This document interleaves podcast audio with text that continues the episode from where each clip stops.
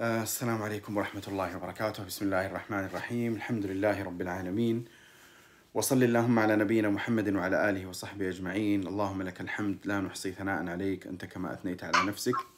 نحمد الله سبحانه وتعالى ونشكره ونثني عليه ونسأله سبحانه أن يبلغنا رضوانه وأن يعيننا على آه، تدبر كتابه والعمل به. آه هذا اللقاء هو أول لقاء بعد آه شهر رمضان المبارك في سلسلة أنوار الأنبياء التي كان كنا نسير فيها سويا كل ليلة من ليالي الشهر الكريم. ولله الحمد يعني أخذنا آه 19 درسا. طبعا هي كانت إلى العشر الأواخر. وكان كانت أكثر الدروس مرتبطة بنبي الله موسى عليه السلام. وال هي هذه السلسلة آه، السير فيها مرتبط بالآيات القرآنية يعني هي سلسلة قرآنية. بمعنى أنه لا تؤخذ قصص الأنبياء آه، كأحداث مجردة وإنما هي مرتبطة بالآيات آه، القرآنية تحديدا. ولذلك إذا كانت قصة النبي متكررة في كتاب الله سبحانه وتعالى فإننا نمر على مواضع مختلفة من هذه القصة ويكون لكل سورة ولكل موضع خصائصه و آه، يعني الأمور المتعلقة به من ناحية المعنى. آه، اليوم سنبتدئ مع آه، آيات قرآنية مرتبطة بنبي الله إبراهيم عليه السلام وكما قلت في بداية الآيات المرتبطة بموسى عليه السلام إن إنها ستستغرق دروسا متعددة فكذلك الآيات المرتبطة بإبراهيم عليه السلام ستستغرق دروسا متعددة ليس آه، يعني ليست ليس درسا ولا درسين ولا ثلاثة وإنما يعني ستستغرق معنا إن شاء الله عدة آه، دروس.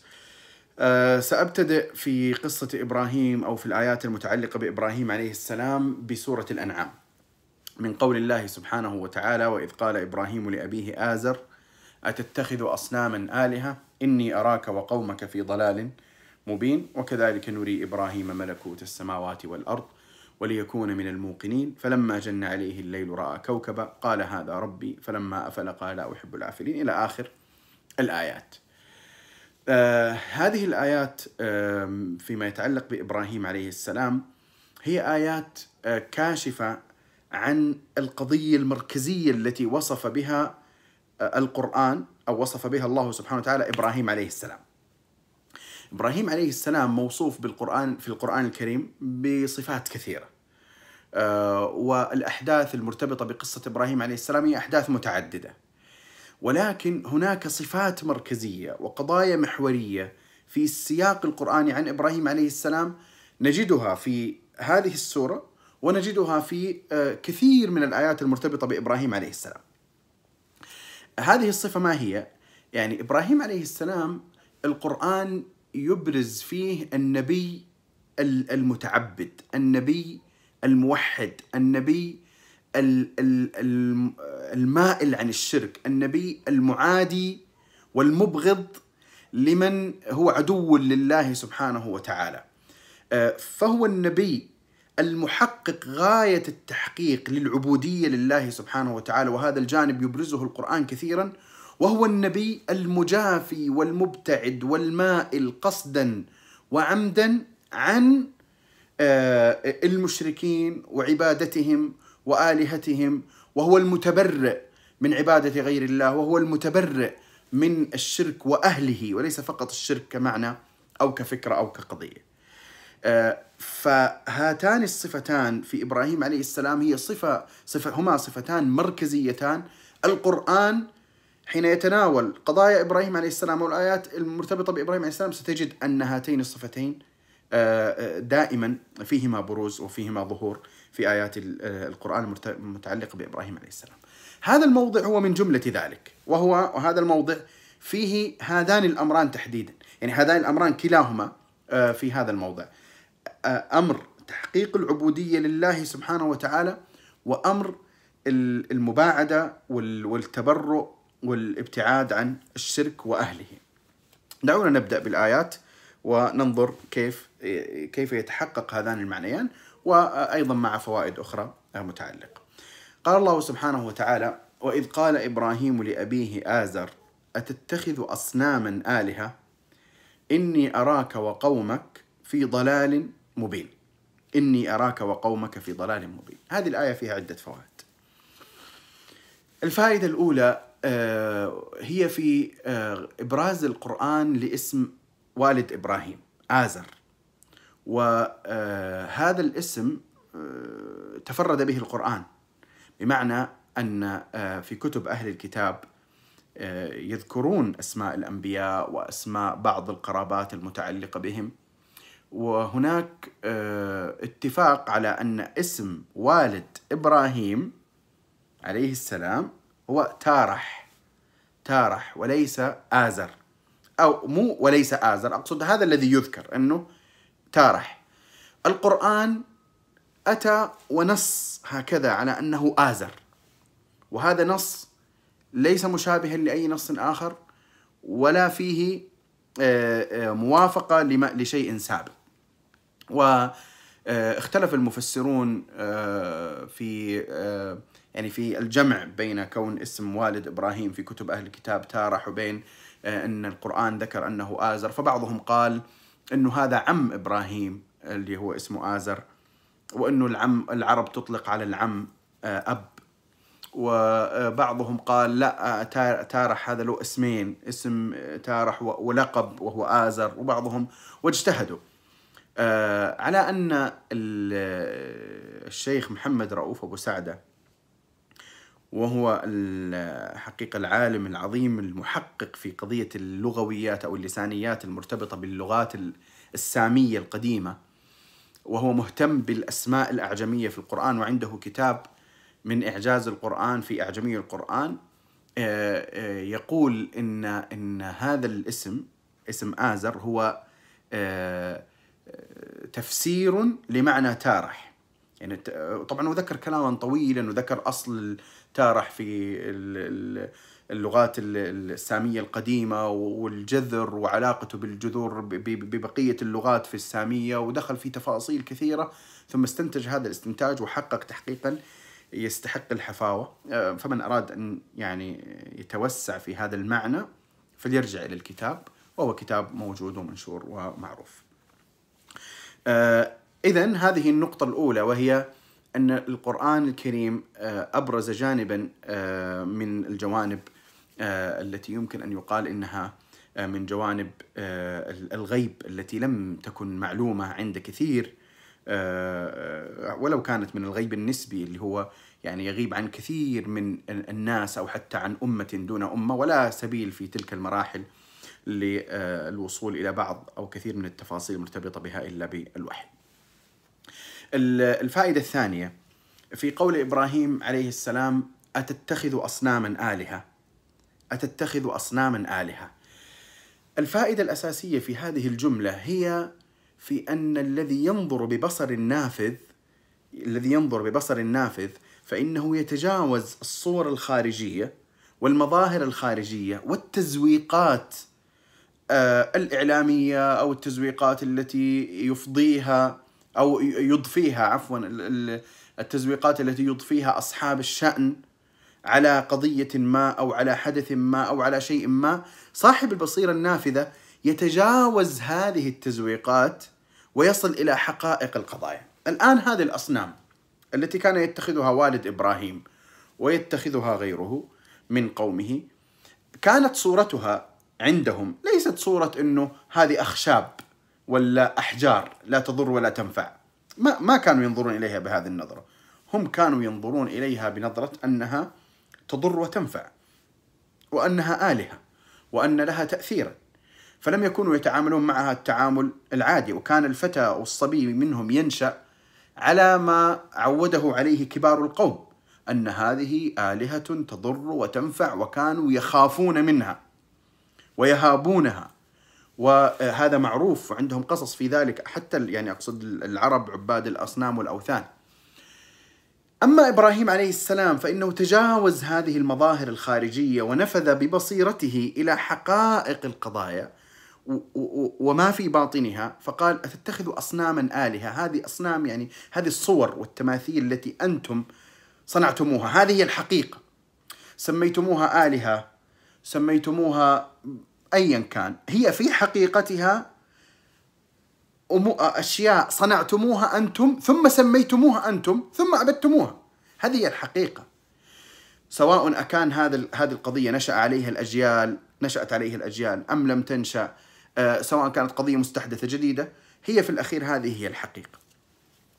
ولأجل ذلك تجد أن القرآن مثلا يقول ما تعبدون من دونه إلا أسماء. أسماء. سميتموها أنتم وآباؤكم سميتموها أنتم وآباؤكم هي أس... هذه أسماء أنتم سميتموها. إبراهيم عليه السلام تجاوز الصورة الخارجية والتأثير الخارجي واخترق ببصيرته إلى المعنى الكامن وقال أتتخذ أصناما آلهة؟ هذه هي الحقيقة. ولذلك تكرر المعنى في ما يتعلق بإبراهيم عليه السلام أفتعبدون من دون الله ما لا ينفعكم شيئا ولا يضركم؟ أف لكم ولما تعبدون من دون الله. آه طيب إذا ماذا نستفيد من موقف إبراهيم عليه السلام؟ نستفيد من موقف إبراهيم عليه السلام هذا هو أن لكل زمان أصنامه. لكل زمان أصنامه. ولكل زمان فتنته. ولكل زمان تزويقاته. وتأثيراته.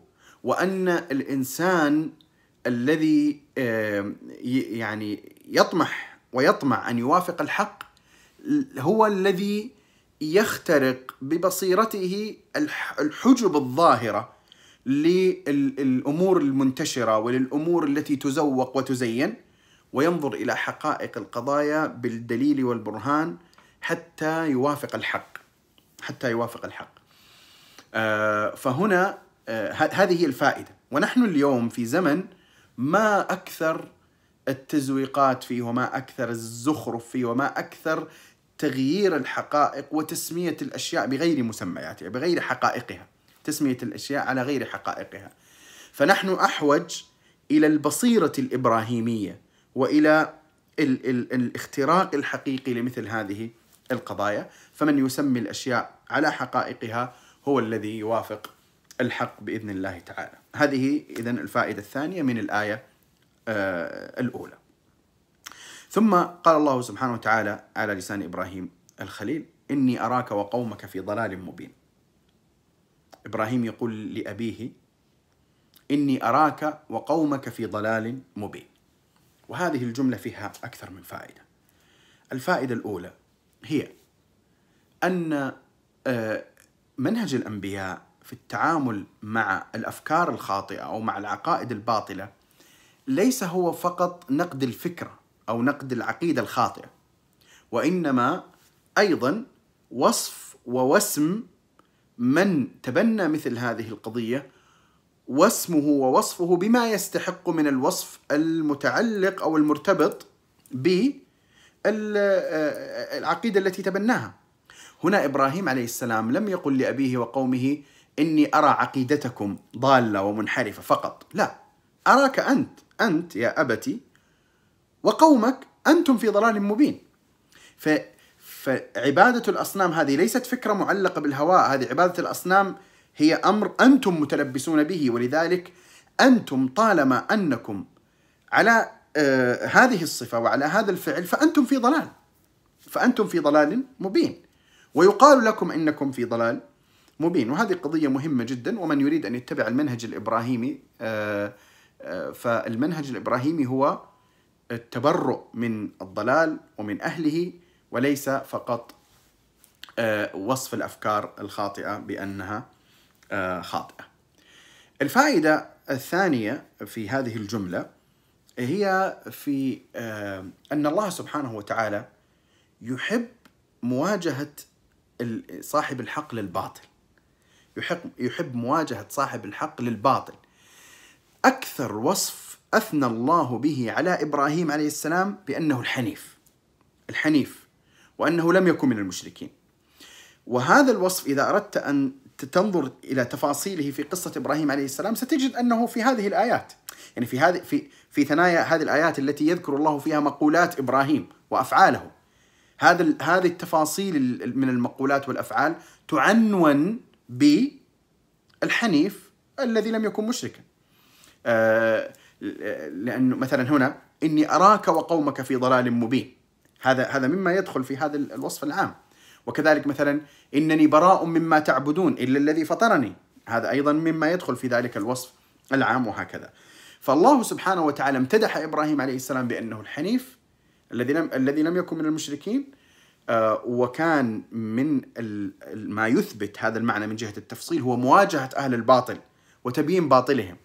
ولذلك نقول الله سبحانه وتعالى يحب هذه الصفه الصفة وهذه آه، السمة. اذا هذا ما يتعلق بالآية الأولى وإذ قال إبراهيم لأبيه آزر قلنا آه، أخذنا الفائدة المرتبطه باسم آزر ثم تتخذ أصناما آلهة اختراق الحجب الظاهرة إلى الحقائق وعدم الوقوف عند المسميات التي يسميها الناس ثم إني أراك وقومك في ضلال مبين أن التبرؤ لا يكون من مجرد الفكرة وإنما من صاحب الضلالة أيضا إذا كان متلبسا بهذه بهذا الضلال والانحراف. ثم آه، كذلك مواجهة أهل الباطل فهذه آه، أربع فوائد في هذه الآية. ثم قال الله سبحانه وتعالى وكذلك نري إبراهيم ملكوت السماوات والأرض وليكون من الموقنين. وكذلك نري إبراهيم ملكوت السماوات والأرض وليكون من الموقنين. هذه الآية فيها فوائد. الفائدة الأولى أن النظر في المخلوقات وفي آثار صنع الله سبحانه وتعالى هو من الأمور أو من الأسباب التي تؤدي إلى زيادة الإيمان واليقين. وهذا متفاوت بحسب الشخص واستعداداته وما يفتح الله عليه. لكن هذه الآية تدل في جملتها على أن آه، النظر في ملكوت السماوات والأرض يثمر أو يمكن أن يثمر قضية اليقين. وهذا ليس خاصا بهذه الآية وليس خاصا بإبراهيم عليه السلام وإنما هو مذكور في كتاب الله سبحانه وتعالى في أكثر من من موضع. منها مثلا قول الله سبحانه وتعالى إن في خلق السماوات والأرض واختلاف الليل والنهار لآيات لأولي الألباب الذين يذكرون الله قياما وقعودا وعلى جنوبهم ويتفكرون في خلق السماوات والأرض. ربنا ما خلقت هذا باطلا سبحانك فقنا عذاب النار. يعني نتيجة تفكرهم في السماوات والأرض وفي خلقهما وصلوا إلى هذه النتيجة. إيش النتيجة؟ ربنا ما خلقت هذا باطلا. طب ربنا ما خلقت هذا باطلا إيش تساوي؟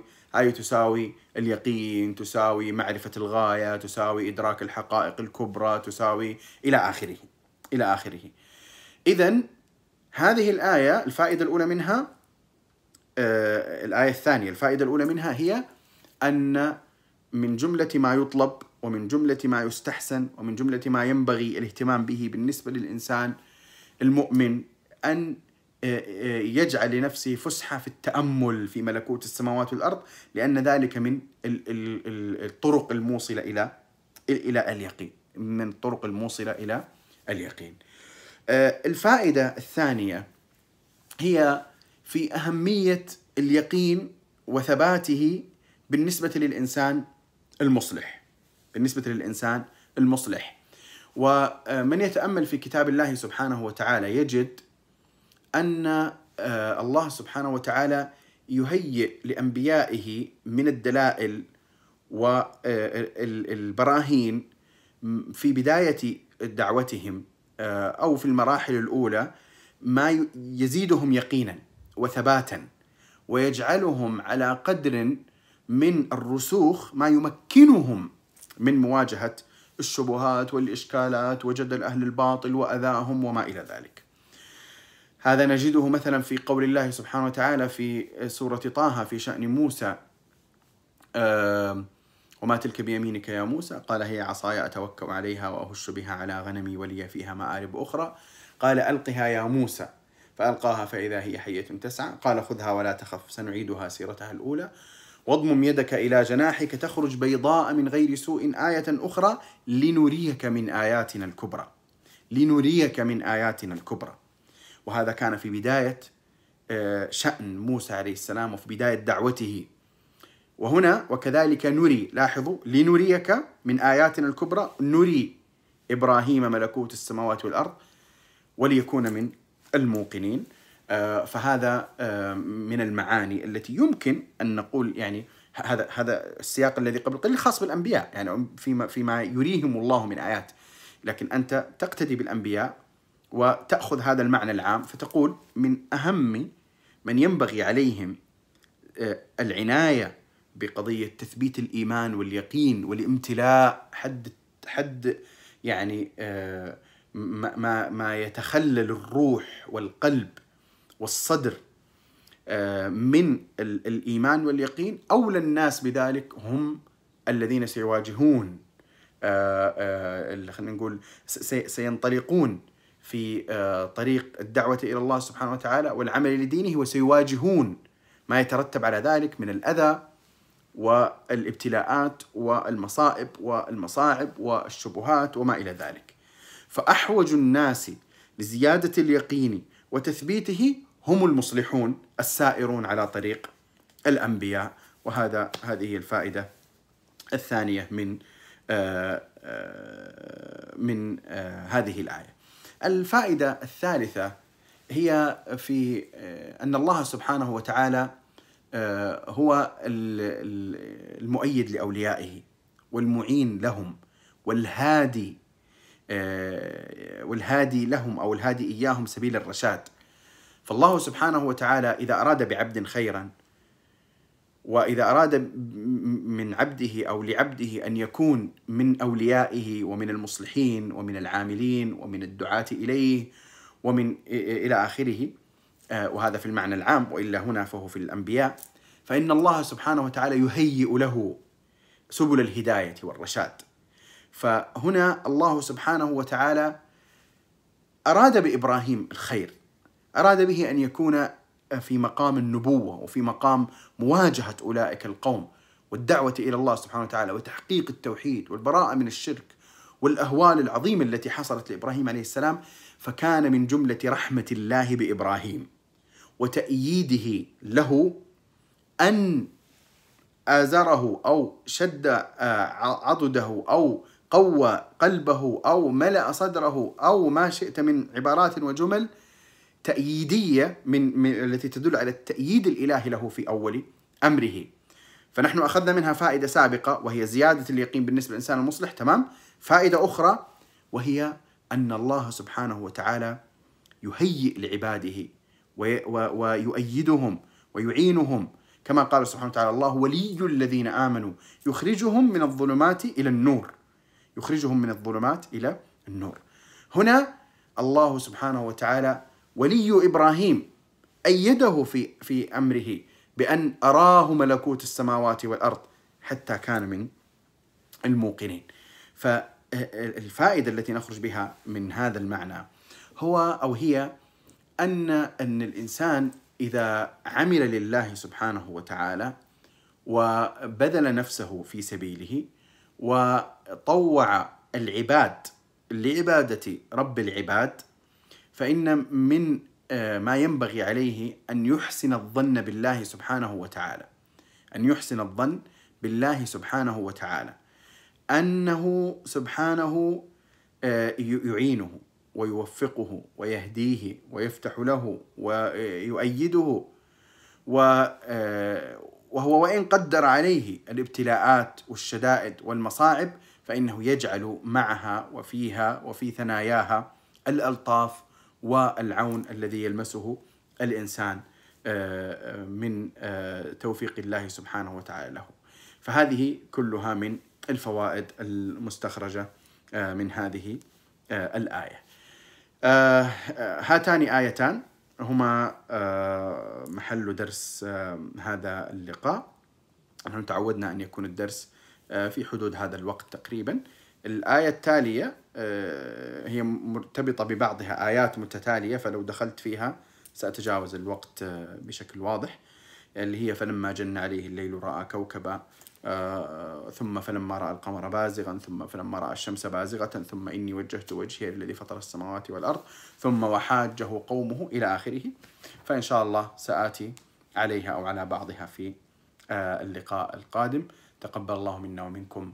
صالح الأعمال وأسأل الله سبحانه وتعالى أن يجعلنا وإياكم من الموقنين وأن يطمئن قلوبنا ويثبت الإيمان في في صدورنا وأن يجعلنا من السائرين على طريق أنبيائه. ونسأل الله سبحانه وتعالى أن يرزقنا حبه وحب من يحبه وحب العمل الذي يقرب إلى حبه. وصل اللهم على نبينا محمد وعلى آله وصحبه أجمعين.